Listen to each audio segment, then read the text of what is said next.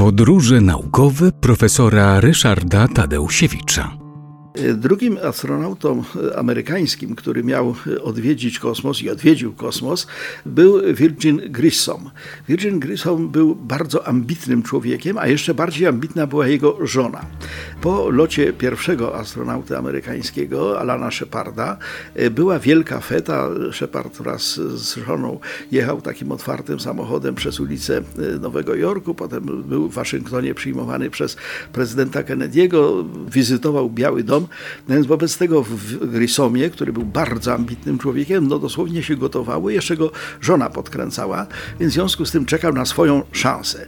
No i doczekał się, mianowicie Shepard poleciał 5 y, maja 61 roku, natomiast Grissom poleciał niedługo później, 21 y, sierpnia 1961 y, roku. Ten jego lot też był lotem tak zwanym suborbitalnym, to znaczy nie wszedł na orbitę, wysunął się tylko jak gdyby w kosmos i opadł z powrotem do oceanu. To wszystko na razie przebiegało bardzo e, dobrze. Ten statek kosmiczny, który e, Grissom nazwał Liberty Bell, no, wylądował na, na Pacyfiku. E, natomiast problem polegał na tym, że Grissom prawdopodobnie no, zdenerwował się i otworzył za wcześnie włas. Rezultat był taki, że ten statek jego kosmiczny zaczął tonąć i wobec tego no, właściwie z wielkiego triumfu zrobiła się wielka kompromitacja. Statek kosmiczny zatonął, samego Grissoma ledwie odratowano. Oczywiście o żadnej paradzie, o żadnych marszach zwycięstwa nie było mowy, po prostu był uważany za człowieka skompromitowanego. No ale on się nie dawał.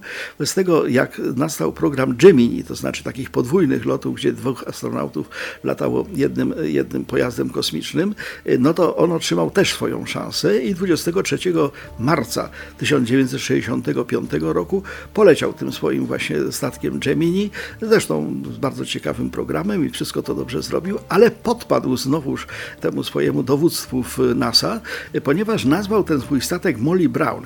Molly Brown to była taka pasażerka Titanica, która nie zatonęła, ponieważ jemu się ten pierwszy z jego statek utopił, więc w związku z tym ten drugi nazwał Molly Brown. Okazało się to prześmiewcze, to znaczy mnóstwo ludzi się z tego wykpiwało, no został po uszach, no znowu był właściwie pechowy. No ale najgorszy pech spotkał go później, mianowicie został wytypowany do załogi Apollo 1, to znaczy pierwszego statku kosmicznego, który był przygotowywany do lotu na Księżyc. Oczywiście Apollo 1 nie miał lecieć na Księżyc, on właściwie wypróbował pewne rzeczy w procedurach naziemnych, ale 27 stycznia 1967 roku nastąpił dramatyczny pożar w kabinie Apollo 1, gdzie właśnie przebywał Grissom i dwóch innych astronautów, wybuchł pożar, tam był czysty tlen, wobec tego oni się tam spalili żywcem, zanim zdążyli wyjść.